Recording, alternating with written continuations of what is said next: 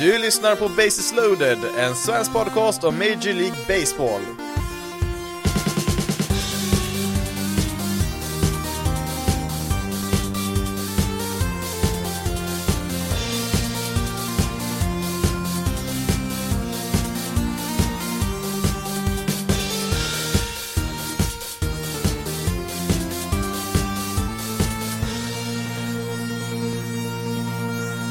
Hej och välkommen till Bases loaded, en svensk podcast om Major League Baseball. Och då har vi spelat lite drygt en vecka på säsongen, ja, säg en och en halv vecka kanske närmare bestämt. Eh, det vi har konstaterat så här långt, det är ju att eh, Tyler Naquin är ju homerun-kungen och Jermin Mercedes är förmodligen den bästa hittern någonsin i MLB och ja, Jacob DeGrom är väl lika dominant som Bob Gibson på 60-talet. Eh, är väl ganska säker på att de här sakerna kommer att förändras lite grann då tills eh, hösten då när vi summerar säsongen. Ja, förutom DeGrom då kanske, han är väl lika dominant som vanligt här på de starterna han har gjort, men eh, lite mer om honom senare kan jag säga. I detta avsnitt så blir det väl, eh, ja, lite allmänt eh, smått och gott kan vi ju säga. Det har inte hänt jättemycket saker, eller ja, på, på sätt och vis har det ju hänt massa saker såklart, men eh, sett till hur hela säsongen kommer att utspela sig så vet vi inte speciellt mycket än så länge. Många lag har väl spelat kanske 7-8 matcher, och det kan man ju inte dra dra speciellt mycket slutsatser kring. Det, det tar ju en liten stund innan statistik stabiliseras och sånt där. Eh, en del brukar ju säga att det är först när Mike Trout leder ligan i wins above replacement som saker och ting är som det ska. Det är då man kan börja jämföra och se hur läget ligger till statistiskt sett i ligan, men eh, Ja, i år kommer nog inte det riktigt att fungera för att nu tog det väl typ 5-6 matcher så var han i toppen redan i den eh, kategorin så att vi får nog hitta någon annan gräns att dra just i år då i alla fall. Eh, Eh, men några saker som jag har eh, anmärkt på eh, som kan vara intressant här inför fortsättningen, det är ju dels då på tal om Tyler Naquin där som tidigare spelat med Cleveland. Han har ju inte gjort jättemycket väsen ifrån sig förutom sin rookie-säsong var han väl ganska bra, men det är ju inte en spelare som direkt gjort sig känd för att vara en power hitter på något sätt. Han hade väl 14 homeruns som mest där i rookie-säsongen och är väl en spelare som ja, får han spela en hel säsong så kanske man förväntar sig att han slår någonstans mellan 15 och 20 stycken, eh, men nu har han alltså slagit fem stycken eh, som lead-off hitter för Reds då som han spelar för nu. Eh, ja, jag har svårt att tro att det kommer att eh, fortsätta så här hela säsongen då, men ja, det är väl kul för honom och framförallt så är det väl kul för Reds som var så fruktansvärt ja, inkompetenta kan man väl säga förra året offensivt. Det var inte mycket alls som stämde där, trots att de hade en väldigt bra line-up offensivt där med, eh, ja, med Castellanos och Suarez bland annat. Det fanns ju absolut kvalitet där offensivt, men det var, gick ju inte alls bra där. Nu gick de ju ändå till slutspel då, men eh, det var en, en av de mest patetiska insatserna jag någonsin sett tror jag, rent offensivt då. Eh, I den där slutspelserien då mot Braves var det väl där som han inte hade en enda run tror jag på de här två matcherna. Eh, det är ett lag som för övrigt har startat säsongerna väldigt, väldigt segt traditionellt sett de senaste åren. Jag tror det var något år här för ett tag sedan de startade säsongen 3-18 eller något sånt där. Nu, nu har man ju börjat säsongen 6-2 istället, så att det, det är positivt så, såklart. Jag vet inte riktigt om jag tror på dem i längden, men eh, de har i alla fall gett sig ett betydligt bättre utgångsläge än vad de haft de senaste åren då här i säsongsinledningen och de leder ju faktiskt ligan än så länge i runs. 66 stycken har de fått ihop på de här matcherna, vilket är Ja, det finns inga annat lag som är på 60 än, så att de har, eh, ja, de har producerat riktigt bra offensivt här som sagt i år, vilket man inte hade kanske hade trott efter hur det såg ut förra året. En annan sak som har blivit betydligt bättre sen förra året då, i alla fall under de här första matcherna då, det är ju Phillies Bullpen som var katastrofalt dålig, historiskt dålig var den till och med, sämsta bullpenen i MLB sen 50-talet var det ju. Det, Eh, ja, den var väl lika patetisk som Reds offensivt skulle man kunna säga förra året, men eh, så här långt så har det faktiskt, eh, jag skulle inte säga att de är bäst i ligan på något sätt, är deras relievers, men de har gjort det som hade behövts förra året, att kasta kompetent. Det, ja, så hade de haft en genomsnittlig bullpen förra året, Philly, så hade de ju varit i slutspel och ja, det är väl kanske där de hoppas landa i år och kan de ligga på den här nivån, då tror jag faktiskt att Phillies kan bli ganska farliga här, så att det är ju väldigt, väldigt tidigt fortfarande, det kommer vi ju inte ifrån, men eh, det faktum att de inte har totalt kollapsat i matcherna, det är Ja, det, det, är ett gott tecken, det kanske säger en hel del om vilka förväntningar man har på de här då med tanke på förra året då, men eh, Alltså José Alvarado, det här nyförvärvet, har ju sett bra ut och Sam Kunrod, ett annat nyförvärv, har också kastat bra i sina innings. Hector Neris, deras closer, har inte tillåtit en enda run än så länge på, ja, det är fyra innings det har att göra med på fyra matcher, men Eh, Eh, det, de har gjort eh, sitt jobb där helt enkelt, det har de ju. Conor Brogdon har kastat bra där också. Archie Bradley hade väl någon, eh, någon dålig match här, men För det mesta så, ja, tummen upp för Felix Bulpen och håller de som sagt hela året här, då, ja, då får nog National League East se upp lite grann här för Philadelphia Phillies. Till sist då har jag väl en liten spaning här i, i American League West med Angels och Astros som båda två ser riktigt giftiga ut här i säsongsinledningen. Eh, den stora frågan är väl för de här två lagen om deras pitching håller över hela året, men eh, ja, framförallt Astros lineup ser ju livsfarlig ut. De totalt körde ju över, det var väl i Oakland de inledde säsongen där och Alltså de totalt körde ju över Ace pitching i den här serien där, ja Ace eh, inledde väl säsongen här med sin sämsta säsongsinledning sen, ja 1916 tror jag det var när de var Philadelphia Ace. Men ja, åter till Astros. Kanske har underskattat dem lite grann här, det är ju tidigt eh, återigen då på säsongen här men eh, Nej, alltså det, det, ser riktigt bra ut där. Visst, nu ser det väl ut som att i stort sett hela deras lineup klickar på en och samma gång här. Det kanske de inte kommer att göra under hela året, men det, det är några riktigt tunga pjäser de har där nu. Och sen får vi inte glömma bort att de har ju fått tillbaka Jordan Alvarez som en del kanske har glömt bort hur bra han faktiskt var sin rookie-säsong för två år sedan. Eh, alltså, ja, jag tror väl jag nämnde väl det kanske i förra avsnittet där när jag pratade om Astros att alltså Alvarez var ju bättre än Juan Soto under hans rookie-säsong.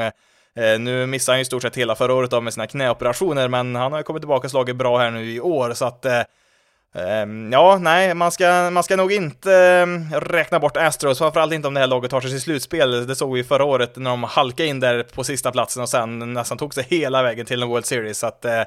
det är ju tidigt som sagt, men ja, de ser riktigt vassa ut här, Astros, än så länge. Oh, and first pitch crushing! Lean into it! Jag nämnde ju också Angels som ett lag jag tycker är imponerat här i början. Inte på samma nivå som Astros, men jag tycker ändå att eh, de har visat att det kanske kan gå i år det här. Jag är väl inte riktigt helt övertygad än om Angels eh, chanser, men eh, ja, i och för sig, jag, jag valde dem ju till att vinna American League West, så att eh, någonting måste jag väl tro på dem, men eh, Ja, det är lite steg åt rätt riktning här de första matcherna får vi säga, och det du hörde där, det var när Shohei Otani slog iväg en boll Eh, men exit velocity på 115 miles per hour när den här bollen flög ur arenan där. Är eh, den hårdaste bollen någonsin i Angels historia som någon har slagit iväg, eh, eller ja, de senaste åren då. Det är väl 2015 eller 16 och sådär som de införde Statcast som de har den här statistiken på, men det innebär att Mike Trout till exempel har aldrig slagit en boll så här hårt som Otani gjorde här och då ska vi ju tillägga att eh, samma Otani här i samma match innan det här kastade 101 miles per hour när han var pitcher också så att Eh, Eh, ja, eh, det var ju en bra start får vi säga för Otanis eh, fortsatta projekt här som både slagman och pitcher. Eh, eh, nu gick väl matchen i sig, ehm, ja, det var väl lite blandade resultat kan vi säga, alltså han tillät väl bara en run tekniskt sett på fyra innings, eller ja, han fick väl två outs i den femte också, men eh, eh, det var väl fem walks där också för honom, så att det var inte klockrent på något sätt där, men eh, ja, det är ju väldigt kul att se, alltså en starting pitcher som sen går in som nummer två i slagordningen, det Ja, det får vi, jag tror vi får gå tillbaka till början av 1900-talet eh, när vi såg det senast, så att eh, jag eh, kan ju tipsa om att eh, har ni möjlighet att se när Otani startar så, ja men sätt på alltså. Det är nog så extremt sällsynt det vi ser han göra här. Nu hade han väl någon blåsa här på handen som gjorde att de sköt fram någon start. Han skulle väl startat här idag på söndag när jag spelar in, men det verkar som att de skjuter fram några dagar. Hörde väl senast att kanske ska starta på onsdag här nästa match, så att Eh, Eh, visst, det kan vara svårt att se eh, Angels matcher eftersom de spelar på västkusten då, så att eh, det kan ju vara lite svårt att se live, men eh,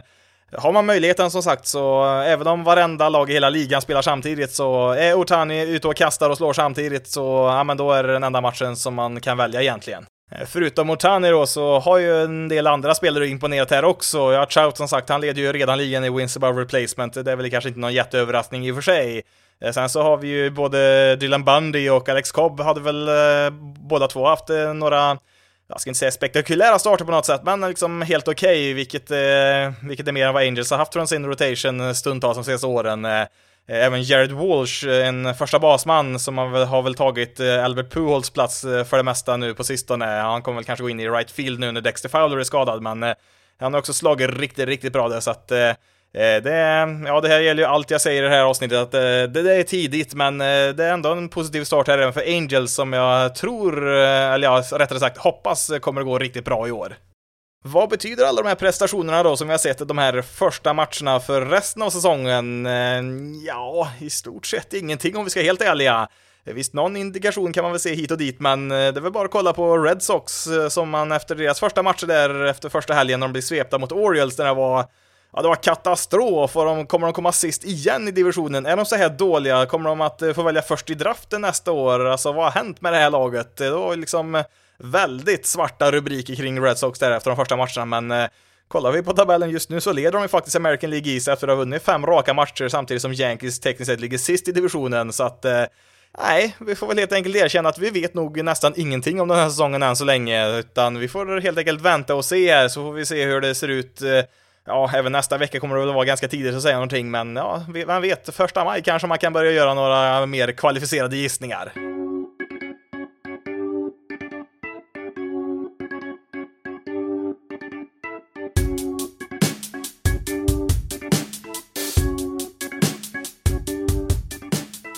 Något som vi däremot vet med säkerhet, det är ju att eh, några spelare, tyvärr då får vi säga, har ju gått och blivit skadade här ganska tidigt. Ja, en del var ju skadade till och med innan säsongen ens började. Jag tänkte väl nämna några namn här, några lite större profiler som eh, kommer missa lite speltid och eh, då är det väl kanske framförallt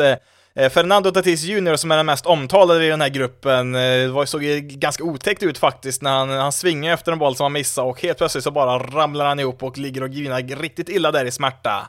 Swing and a miss, and Tatis hurts himself on the swing. Fernando goes down after strike three and appears to be clutching his arm. Som sagt, eh, det är en ganska, ja det är en väldigt eh, våldsam sving måste jag säga när man kollar på reprisbilderna. Man får ju nästan ont bara att titta på när det händer alltså. Det, det, det tar inte stopp helt enkelt och när han sträcker ut vänsterarmen blir det då i slutet där på svingen. Och det är väl där som är problemet är, rättare sagt i vänsteraxeln så är det något där som är delvis av en partial tear är det ju, så att det är inte något jättefarligt eh, förhoppningsvis då, nu vet man ju inte eh, exakt hur mycket information man har delgett eh, allmänheten om här från Padres sida. Jag säger inte att de ljuger på något sätt, men det är inte så att de behöver berätta hela sanningen heller när det gäller hälsan för sina spelare, så att vi kan ju inte veta exakt hur lång tid det här kommer ta och Eh, hur mycket det kommer påverka framöver, men vad det verkar så eh, verkar han väl ha klarat sig relativt lindrigt i alla fall då. Det var väl eh, tal på kanske operation där precis när det här hände, men riktigt så illa Eh, verkar det ju inte vara i alla fall. Ska väl vara tillbaka relativt snart hoppas man. Det är väl mest att han behöver vila och låta, låta det läka och det ska väl inte vara något större problem framöver heller hoppas man på. Han har ju haft problem med axeln här under våren också i spring training, så att eh, det var väl någonting de kände till sen tidigare, men det var väl först nu då som det eh, verkligen högg till på riktigt här. Som tur är, om, om man nu får kalla det för tur, så var det på vänsterarmen då, det är alltså inte den armen han kastar med och det är inte den armen han liksom driver slagträet med heller egentligen, så att Eh, även om det skulle bli lite småskavanker här framöver på just den axeln så ska det väl inte behöva påverka hans spel allt för mycket för att eh, eh man vill ju verkligen se Tatis när han går verkligen all in i alla situationer, det är då som han är som mest underhållande och eh, det är då som, är, som han är som bäst också, så att eh, vi får väl helt enkelt hoppas på att de här prognoserna stämmer och att han är tillbaka relativt snart här och att eh, det är inte är någonting som kommer att påverka framöver heller. Och, ja, det ser väl i alla fall ut som att eh, man från Padres sida kan eh, pusta ut nu med tanke på sin 340 miljoner dollars investering här i Tati som han fick eh, för några veckor sedan. En lite tråkigare diagnos fick ju James Paxton, Mariners starting pitcher, som kom ut tidigt redan i sin första start på säsongen. Han har blivit rekommenderad en Tommy John-operation av någon läkare. Eh, nu är det inte nödvändigtvis så att han måste eh, genomföra den här operationen då, det är bara en rekommendation som sagt, eh, men ganska ofta, jag skulle nog säga en stor majoritet av gångerna när någon rekommenderas en Tommy John-operation så är det så det också blir. Han har väl sökt någon annan läkare där för att få en, en andra åsikt där, men det lutar väl åt att det blir operation här och då missar han ju resten av det här året och säkert stora delar av nästa år också. Eh, det finns väl några undantag eh, som har eh, klarat sig även fast de blivit rekommenderade operationer. Det är ju bland annat Tanaka för några år sedan med Yankees. Han blev ju rekommenderad en, men valde då istället att skjuta in någonting i armbågen där, en sån här PRP injection som Ja, den tog ju väldigt bra på honom för han fortsatte kasta väldigt bra efter det sen, men det är som sagt ett undantag. Eh, har ju varit väldigt, väldigt skadedrabbad Paxton i sin karriär, så att eh, det, ja, det är ju tråkigt oavsett eh, vem det än drabbar, men framförallt Paxton då, som som sagt har varit skadad väldigt, väldigt ofta och nu hade väl i och för sig Mariners inte speciellt stora chanser i år då, som det var, även med Paxton, men kan vi säga att en ganska svår uppgift blir väl nästan omöjlig när Paxton då blir förmodligen borta resten av den här säsongen i alla fall. Vi har ju lite av en situation i Blue Jays outfield just nu. Eh, om vi kollar på vilka han startar för tillfället så är det Randall Gritchuk, eh, Jonathan Davis och Josh Palacios som eh, Ja, det är ju inte direkt de största profilerna i ligan vi har där. Ja, Gritchick har väl spelat en del då, men eh, deras, eh, ja egentligen hela deras ordinarie outfield är just nu skadade, eller ja, de är inte tillgängliga för spel i alla fall. Eh, först och främst har George Springer, deras nyförvärv här i vinter, han åkte ju först på en sträckt oblik, alltså eh, en muskel där upp mot eh,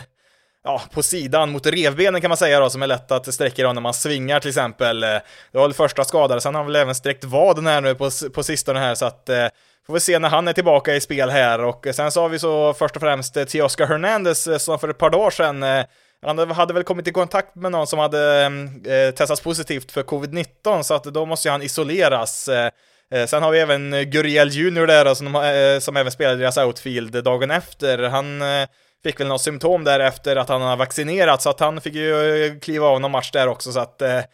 Just nu då så har de ju alla tre av sina ordinarie outfielders så, ja, inte skadade nödvändigtvis då, men inte tillgängliga för spel. Jag ska ju också nämna en Blue Jays divisionsrival här i Tampa Bay som kanske har den längsta skadelistan just nu. Det är ingen dålig lista heller de har, framförallt på pitchers. Eh, alltså kollar vi på deras 60 dagars injured lista, alltså spelare som är långtidsskadade, så har vi då, om vi läser från listan här, Chas Rowe, Nick Anderson, Oliver Drake, Jalen Beeks, Johnny Chirinos och Colin Pochet. Eh, det är väl i stort sett bara relief pitchers där, Ashirino startar väl en del, men eh, Ja, det är ingen dålig lista de har där och dessutom då eh, igår då i lördags så gick ju Chris Archer ut från sin start eh, eh, efter bara några innings. De kallar det för forearm tightness där på honom. Eh, eh genomförde ju Archer en ganska komplicerad operation förra året där som är svår att återhämta sig från så kanske har någonting med det att göra men det ser inte ljust ut i alla fall för hans del. Sen så har de även Pete Fairbanks som var väldigt viktigt i slutspelet i höstas. Har ju också åkt på en skada, väl inte riktigt så illa som Eh, som några av de andra här, men eh, det är alltså en eh, sju pitchers är det väl på den här listan, åtta till och med, som är tillgängliga just nu, så att ja, man kanske inte skulle ha eh, tradat bort Blake Snell och släppt Charlie Morton så här i efterhand. Och Jose Alvarado tradar man ju bort till Phillies också, så att de hade man nog eh, kanske behövt nu, men eh, samtidigt är det något lag som är i en bra position att hantera en sån här situation så är det väl just Tampa Bay Rays som, mm, ja, till synes på löpande band tillverkar nya monster relievers varje år så att eh, det är fullt möjligt att de eh, löser den här situationen eh, trots alla de här skadorna. Det finns ju en hel del andra också här som eh, kan räknas som stora profiler som har skadats här på sistone som man skulle kunna nämna, men utan att bli för långrandig här kan jag väl eh, bara snabbt nämna att Trevor Rosenthal, eh, Oaklands nya closer, blev opererad här nu ganska nyss och kommer vara borta i flera månader. Eh, Eh, sen så har vi Mike Soroka, eh, Atlanta Braves, eh, ja egentligen bästa starting pitcher. Han blev nedstängd där från att kasta totalt här ett par veckor med sin axel. Sen har vi sett både Mookie Betts och Cody Bellinger har varit lite småskadade här. Jag tror Bellinger kom in på Dodgers injured list till och med, så att det var väl något lite allvarligare. Colton Wong sträckte ju sin oblik här nu precis i gårdagen tror jag det var. Och sen till sist då så nämnde jag ju i förra avsnittet att eh, det finns i stort sett bara en anledning att eh, kolla på Pittsburgh Pirates och den anledningen heter Kebrian Hayes. Eh, ja, det blev ju två matcher innan han fick en boll på handen och har ju inte spelat sedan dess, tyvärr då, så att det har inte varit väldigt mycket att se på kan man säga då i Pirates matcher sedan dess. Det ska väl inte vara någon fraktur i alla fall, så att det bör väl kunna vara så att han kommer tillbaka i spel ganska snart, för att som sagt, så mycket annat finns ju inte att se fram emot när man slår på Pirates matcher i år.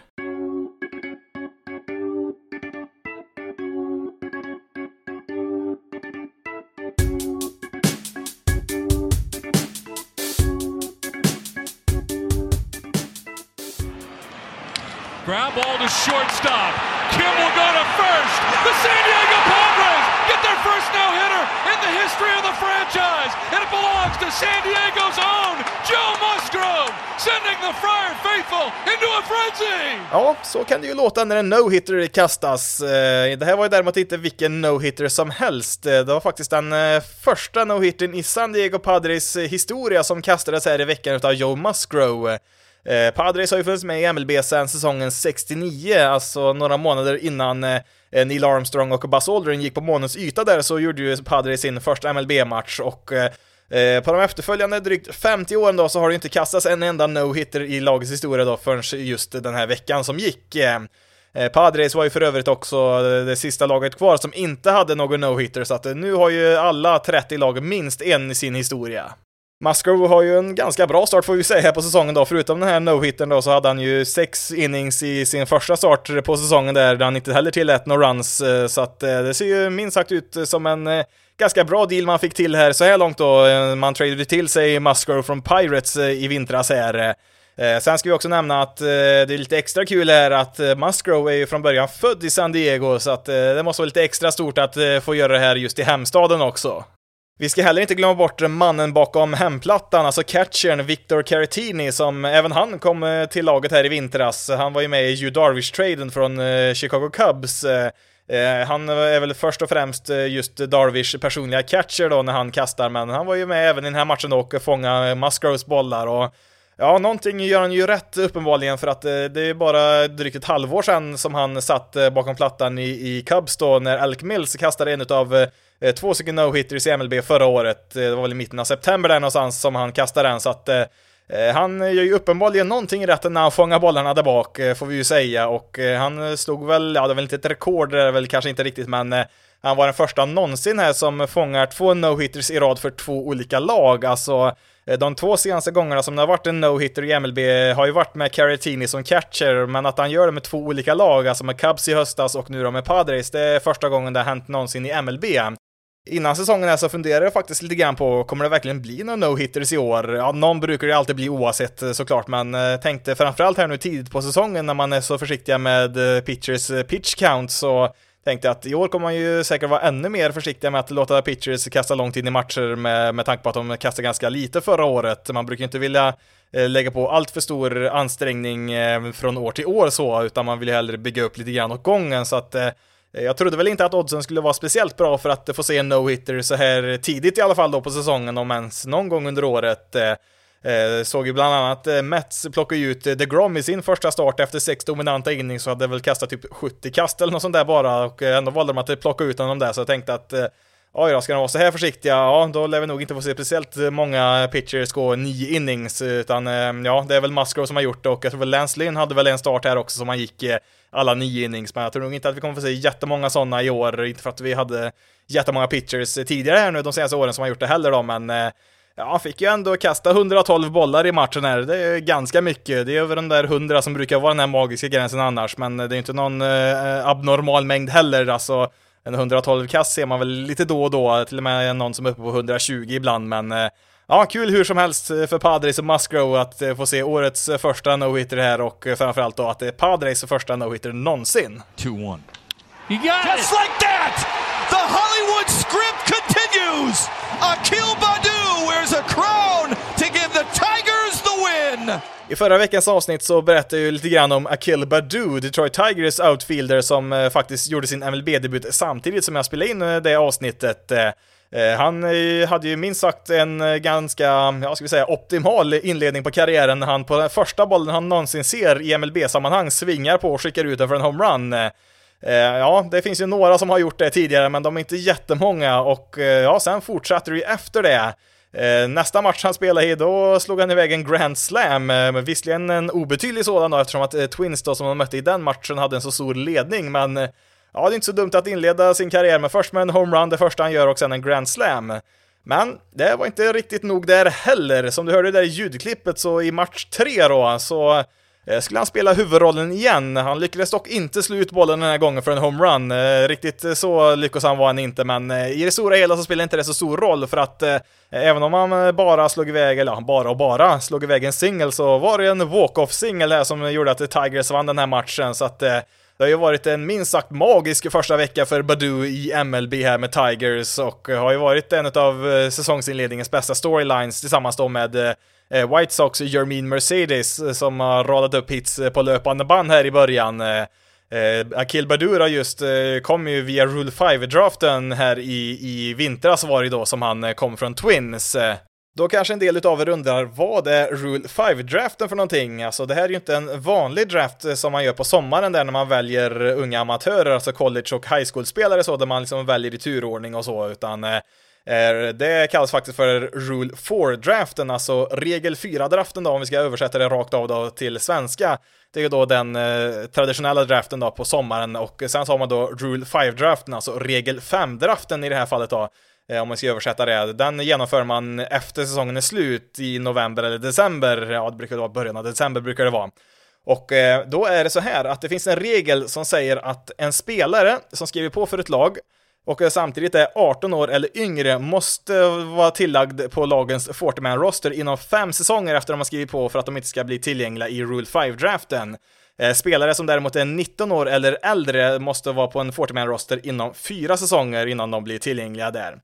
Det här betyder ju att alla lag varje år eh, brukar ha ett visst antal spelare som man behöver ta ett beslut kring om man ska lägga till dem till sin 40-man-roster, alltså 40-manna-rostern då, det är alltså spelarna som man eh, eh, väljer ifrån då när man sätter ihop sin MLB-roster då. Eh, och eh, då är det ju så här att eh, man kanske inte har hur många platser som helst på sin 40-man-roster och eh, då kanske man chansar lite grann att eh, ja, men vi tycker ju om den här spelaren lite grann faktiskt, men eh, vi kanske ska chansa ändå. Vi vill inte sätta honom på våran 40-man-roster eller vi har inte plats helt enkelt så att vi, vi chansar lite grann här och skyddar honom inte så hoppas vi att ingen väljer honom i, i den här Rule 5-draften. Det kan man ju också göra, men Eh, det innebär ju också att eh, de spelare som inte är skyddade eh, kan väljas av vilket lag som helst teoretiskt sett då i den här draften. Det finns ju en draftordning såklart då, så att det brukar väl vara att sämsta laget får välja först och så vidare då. Så får man ju alla lag chansen i alla fall. Sen så är inte alla lag som faktiskt väljer en spelare, det är inte så att det är något tvång på något sätt. Det är ju oftast lite så här marginella spelare egentligen som är tillgängliga här för att de absolut bästa och mest lovande talangerna, de skyddar man ju såklart. Alltså det är ingen fråga om att man ska göra dem tillgängliga i den här Rule 5-draften såklart, men Eh, sen kan det ju vara så här också att eh, några av de här bättre lagen, alltså säg till exempel Dodgers, de har ju en riktigt, riktigt bra MLB-roster som det kan vara väldigt svårt att ta sig in på som ett prospect. Eh. eh, det gör ju att eh, de kanske måste lämna några oskyddade spelare som gör att, ja, de här lite sämre lagen som Tigers och Orioles bland annat, då, för att ge exempel, ja men de ser ju att, eh, ja men där har vi en intressant Dodgers-spelare som kanske skulle platsa i vårat lag, även om han inte platsar i Dodgers just precis just nu, så att, ja men då tar vi honom och chansar på att han kan ta en plats i vårat lag. Eh, lite grann samma saker kanske de med Twins då i det här fallet då som Akil Badu spelade för, eh, de som har, eh, som har fostrat honom här. Eh, eh, och eh, han fick helt enkelt en plats på deras roster. De har ju en ganska bra lineup som det är nu, så att eh, det är inte helt lätt att slå sig in där. Så att eh, han var ju då tillgänglig i Rule 5-draften här då i, i vintras och då valde ju Tigers honom. Det här innebär då att Tigers betalar 100 000 dollar får man ju betala då till det laget som man plockar spelaren ifrån och sen finns det en regel som säger att en spelare som väljs i Rule 5-draften måste vara på eh, lagets MLB-roster, alltså 26-manna-rostern då, hela året. Eh, en sån här spelare går inte att skicka ner till sitt eh, minor League-system, eller ja, tekniskt sett så går det, men skulle man vilja göra det så får man placera spelaren på waivers och då får det här laget som man draftar spelaren ifrån chansen att köpa tillbaka spelaren för 50 000 dollar, det kan man inte stoppa. Skulle det laget däremot säga att nej, vi vill inte ha tillbaka honom, då skulle man ju tekniskt sett kunna skicka ner honom, men det brukar väldigt sällan hända, så att Eh, för att Akil Badu ska vara kvar i Tigers då så kommer de behöva ha kvar honom på deras eh, MLB-roster då året ut här. Eh, sen efter den här säsongen, då kan man skicka honom upp och ner bäst man vill då, men just eh, året efter då man har blivit draftad, då måste man finnas på MLB-rosten då hela säsongen för att eh, vara kvar i laget, så att det måste ju samtidigt vara en spelare som kan eh, ja, kan hantera spelet på MLB-nivå, så alltså, man kan ju inte välja vilken spelare som helst eftersom man måste ha, ha den här spelaren på sin roster hela året. visst, nu kan man väl Eh, Eh, det har väl hänt någon gång att något lag eh, kanske har valt typ någon 19-årig pitcher som man tänker att ja, men den här spelaren kan bli riktigt bra i framtiden, även om man inte är redo just nu att spela i MLB så ja, vi kommer nog inte vinna speciellt mycket i år ändå, så vi kan offra en plats till den här spelaren så har vi honom för framtiden här, så vi kan skicka ner honom nästa år istället och ja, kanske slänga in honom i någon inning här och där så att han får spela någonting, men eh, det är ju inte speciellt vanligt. Eh. Eh, så att, eh, ja, en liten rolig historia är då med Akil Badu som eh, som sagt har valts i Rule 5-draften här i, i vintras och få Ja, minst sagt imponera här första veckan och dessutom då mot sitt eget Twins då som han kom ifrån här från början.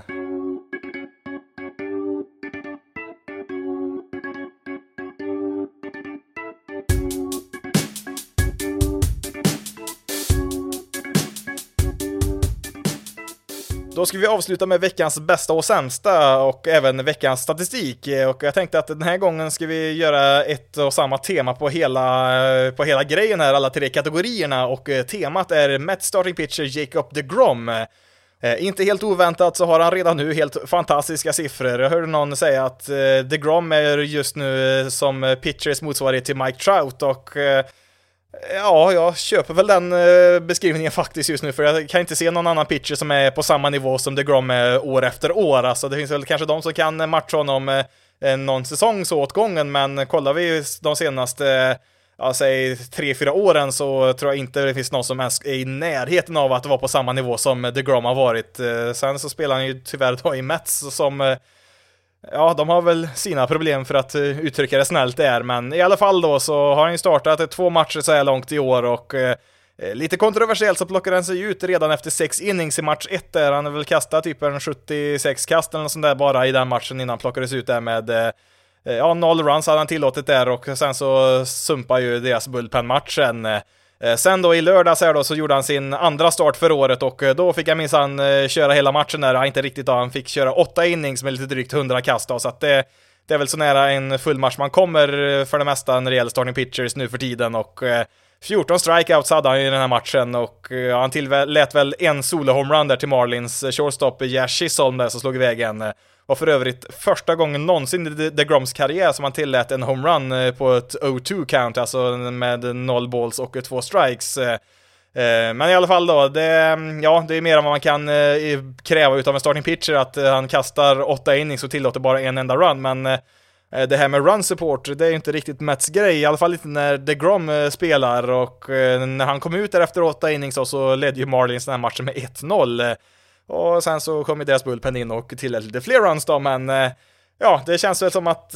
har du hört den förut? Det Ja, det händer ju gång på gång att liksom DeGrom kommer in, kastar hur dominant som helst och lyckas ändå förlora matchen med en eller två runs. Alltså, Eh, det är lite grann samma sak som med Felix Hernandez eh, under hans stordagar med Mariners. Han kunde ju också vara så här dominant och så tillät han kanske en eller två runs när han kastade stort sett hela matchen och så förlorar de matchen ändå på något sätt. Eh, det är, det är lite en hopplös situation måste det ju vara för DeGrom ändå som liksom gör verkligen allt han kan och så får han ingen som helst hjälp från resten av laget. Vad är då veckans statistik? Eh, ja, det kan du nog få välja själv. Det finns hur mycket som helst att välja på här egentligen. Alltså, det är bara att gå in på hans fangraphs eller baseball reference-sida och typ blunda och peka på någonting så hittar man alltid någonting intressant där. Eh, men annars så, eh, ja, varför inte att han har tappat eller ja, rättare sagt, hans Bulpan har ju tappat ledningen 31 gånger som han har gett dem under sin karriär. Eh, om inte det duger så kan man ju alltid kolla på hans hastighet som eh, på något sätt tycks eh, trotsa de fysiska lagarna. Alltså han eh, kastar hårdare för varje år han spelar. Det,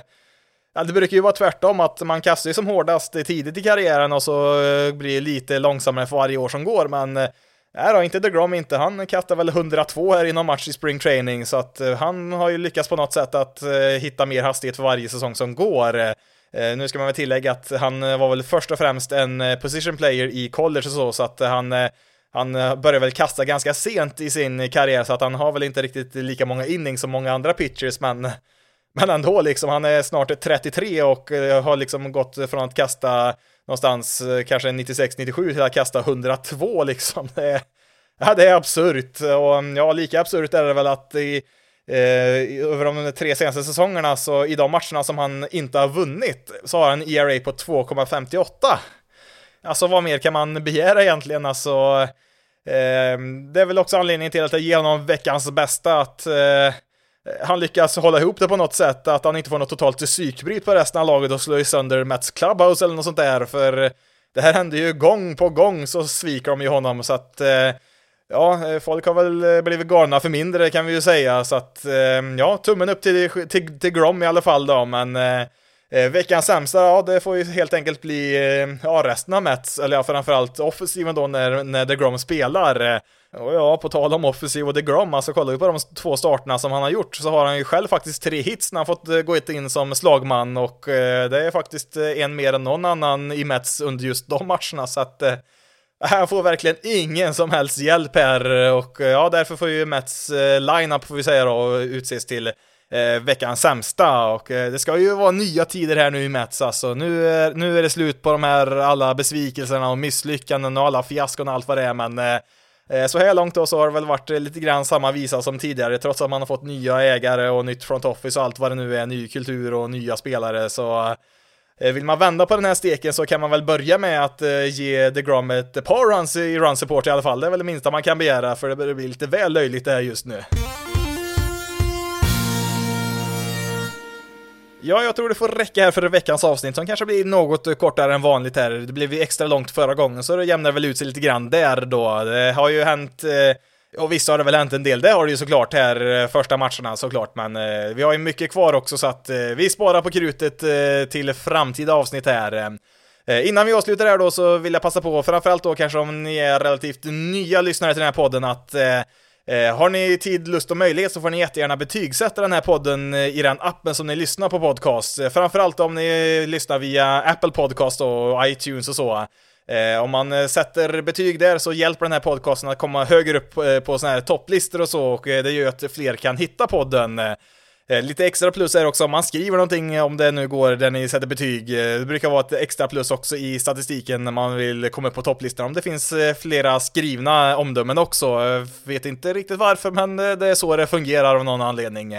Du kan även följa Basis Loaded på Twitter, Facebook och Instagram. Då letar du upp Basis Loaded SE. Eh, du kan även hitta länkarna till eh, de eh, platserna via beskrivningen här då till det här avsnittet så du kan klicka dig vidare den vägen också har ju sett ganska bra med aktivitet tycker jag, både på Twitter och Facebook här nu i, i Sverige kring MLB. Det är väl kanske naturligt här i början av säsongen, men hoppas att det håller i sig här framöver också och Ja men det är lite kul här att se att det är lite mer surr kring MLB i Sverige tycker jag nu jämfört med vad det var för kanske några år sedan.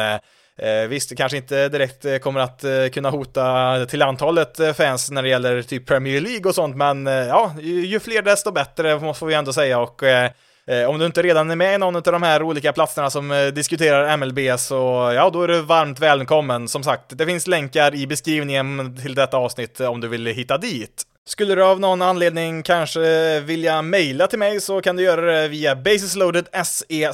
gmail.com. Har ju även ett personligt Twitterkonto ni kan följa, att Jonathan Fabri. Eh, alltså för och efternamn i ett sammansatt ord. Jonathan utan H och Fabri stavas F-A-B-B-R-I om ni nu skulle vara intresserade utav det. Men eh, nu har jag pratat tillräckligt för idag. Mitt namn är Jonathan Fabri. Tack så jättemycket för att du har valt att lyssna på detta avsnitt av Basis loaded. Eh, ni får det bra där ute, så hörs vi i nästa veckas avsnitt.